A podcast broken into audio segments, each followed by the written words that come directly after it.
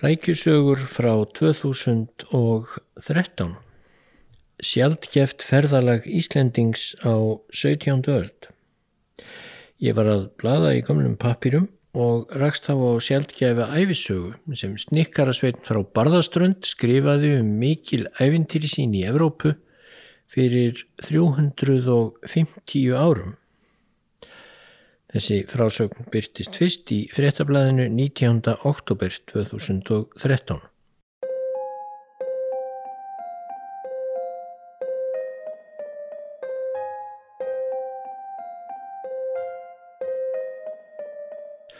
Stundum er æfintýragerind vikingan að talin hafa átt mikinn þátt í að norrænir menn settu stað hér á landi.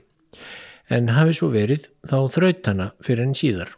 Í margar aldir mátti heita að engir Íslendingar færu til útlanda nema þeir sem ætluðu að læra til prests eða lögmanns í Kveipanahöfn. Stöku undantekningar voru þó til og Áskir Sigurðsson er eitt þeirra. Hann fór til Norður-Evrópu á ofanverðri 17. öld þegar róstur miklar voru á því svæði en allar þær róstur lifðan af og komst heilu og höldnu tilbaka.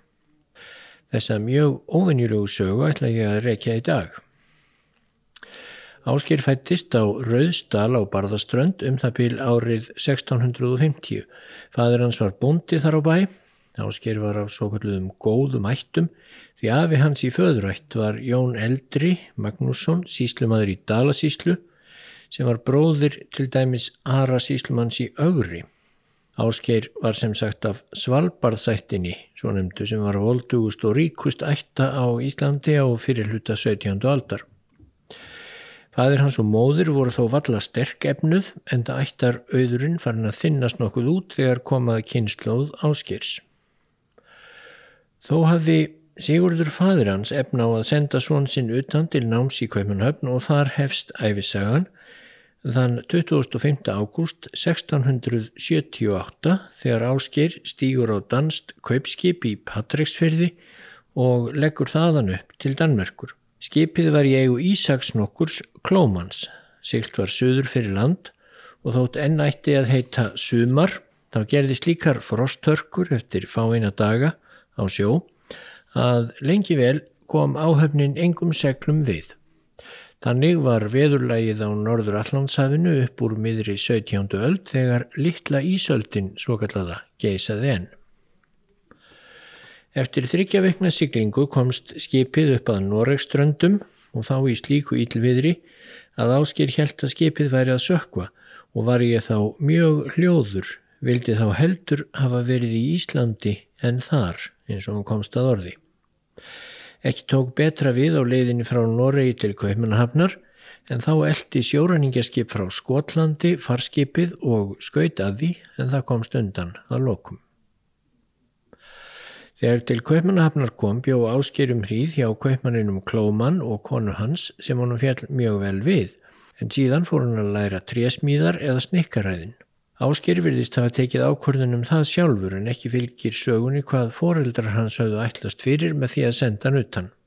Námið var óskemtilegt en hann þurfti að ganga í þjónustu snikkaraðnafni Hans Hildebrand og lúta vilja hans í einu öllu meðan á náminn stóð.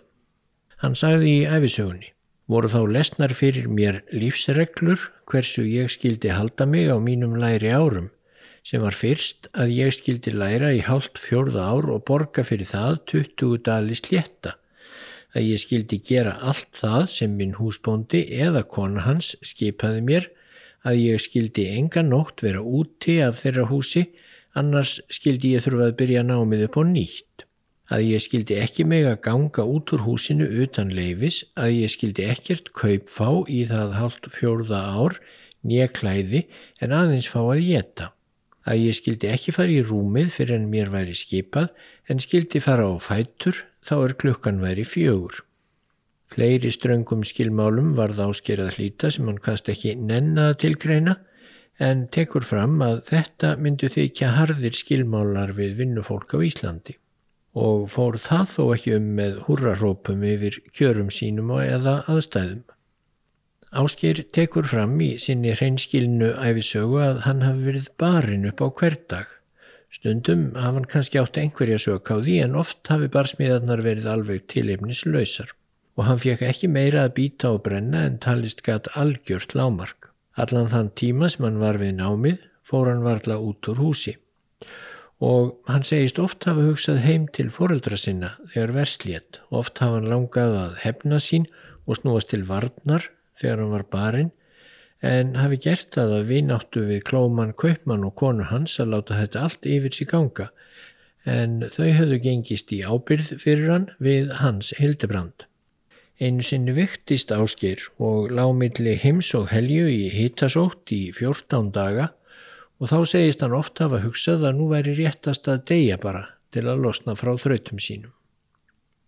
Að lokum restist hann þó en þá viktist meistarinn Hildebrand hvar við ég glatti mig að hann myndi deyja, skrifar Ásker.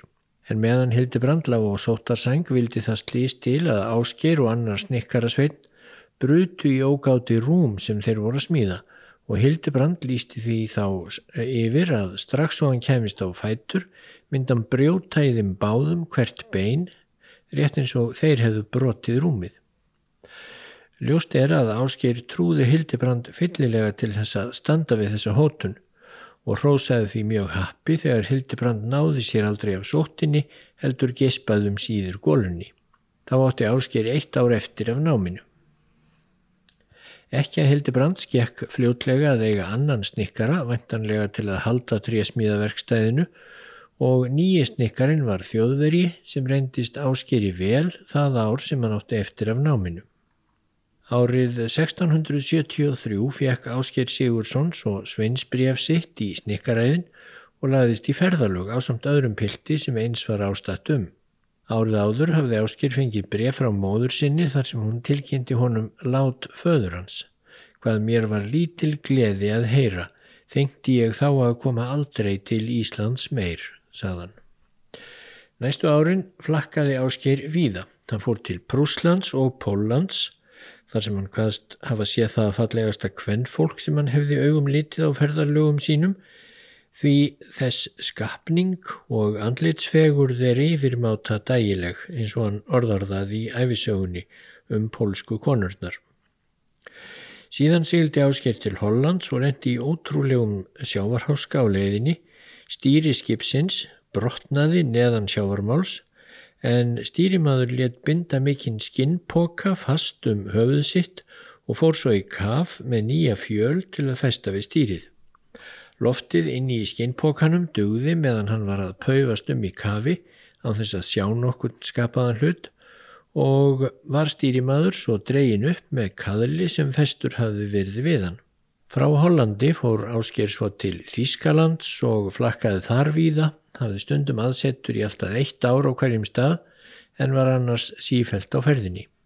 Hann var handtekinn hvað eftir annað og átti að skikkan í einhvern þeirra fjölmörgu herja sem fóru þá um Þýskuríkin í uh, þá daga. Stundum þurft hann að setja enni vikum saman en náði stundum að borga sig lausan en aldrei kom til mála hjá honum að hefja herrmennsku. Í Dresden var ásker eitt sinn út að ganga með fjórum öðrum snikkarasveinum þegar nokkrir gullsmíðasveinar tóku að veita staðim. Ásker og félagar stöktu gullsmíðasveinunum á flótta en einn var þó eftir og réðist með sverð að vopni að snikkarasveinum. Þeir reyndað fá hann til að leggja niður vopn en þegar það tókst ekki brúðist þeir hart við og drápu mannin, hjöggu hann alls 49 höggum. Þeir voru svo handteknir og hafðir í eh, hlekkjaðir í haldi vikum saman og sífelt yfirherðir um hver hefði veitt guldsmíðasveininum stærsta höggið það sem varðunum að bana. Þeir vildi ekki gefa það upp en voru þó við það að gefast upp að lokum og ætluð að segja til félagasins.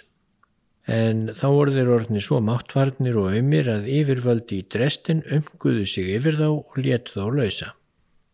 En var ásker svo handtekinn einu sinni þegar hann rampaði fram á franskan herrflokk sem fór rænandi og rupplandi um Rínarlöndin í Þískalandi en svo aðgangsharðir voru fransku hermeninnir að þeir sviftu ásker og félaga hans sem með honum var hverjum klæðisbút og sendu þá alls nakta burt frá sér. Þetta saði Ásker reyndar að hefði verið allsíða hjá frökkum og hefðan einu sinni gengið fram á hundrað allsnakta þjóðverja sem nýslopnir voru úr klóm frakka. Það var ein undarleg sín að sjá svo margar manneskjur naktar, skrifar hann. Að lokum var Ásker eitt og hálft ár í Hamburg við smíðar en veriðist þá loks hafi verið komið með heimþrá því árið 1677 snýr hann heim til Íslands. Því miður virðist hann ekki hafa talið neitt frásagnarvert hafa hent sig á Íslandi því þar með líkur æfisögunni.